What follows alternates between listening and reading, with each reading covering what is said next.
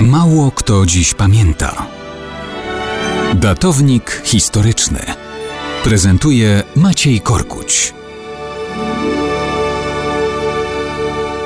Mało kto dziś pamięta, że 9 maja 1468 roku książę Mediolanu Galeazzo Maria Sforza stanął na ślubnym kobiercu u boku księżniczki sabałckiej Bony. Dla nas to historia o tyle istotna, że oboje będą później dziadkami naszej królowej Bony Sforcy.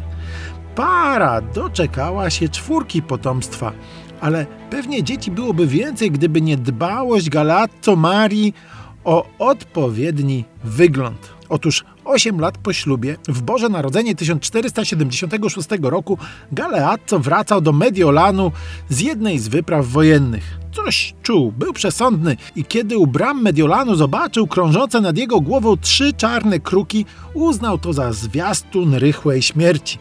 Dlatego po wjeździe do miasta nakazał kaplicę zamkową ustroić na czarno, a w kościołach śpiewać pieśni żałobne, mimo że czas był czasem radosnych kolęd bożonarodzeniowych. Następnego dnia wybierał się na mszę do kościoła San Stefano. Był siarczysty mróz. Radzono mu, żeby pozostał w domu. Jednak, mimo czarnych wróżb, postawił na swoim.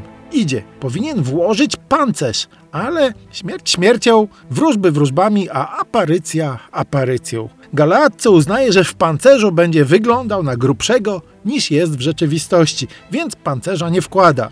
Służba toruje mu w tłumie drogę do wejścia. Wchodzi, główną nawą zmierza ku ołtarzowi i wtedy zastępuje mu drogę trzech młodzieńców, dawnych dworzan Galeazza. Teraz są zwolennikami republiki i demonstracyjnie chcą walczyć z tyranią. Zresztą Galeazzo słynął z ucisku poddanych i rozwiązłego trybu życia. Miał wielu wrogów. Wszyscy trzej więc wyciągają w tym momencie sztylety i błyskawicznie zadają Galeazzo 23 ciosy. Pancerza nie miał, więc go nie ochronił. Pada trupem. Jeden z zabójców zostaje zabity na miejscu. Dwaj pozostali będą publicznie ginąć w mękach. Kat będzie powoli rozcinał im torsy umyślnie tępym nożem. Wychodzi więc na to, że wróżba o trzech krukach sprawdziła się co do Joty, ale dbałość Galeazza o odpowiedni wygląd dopełniła reszty.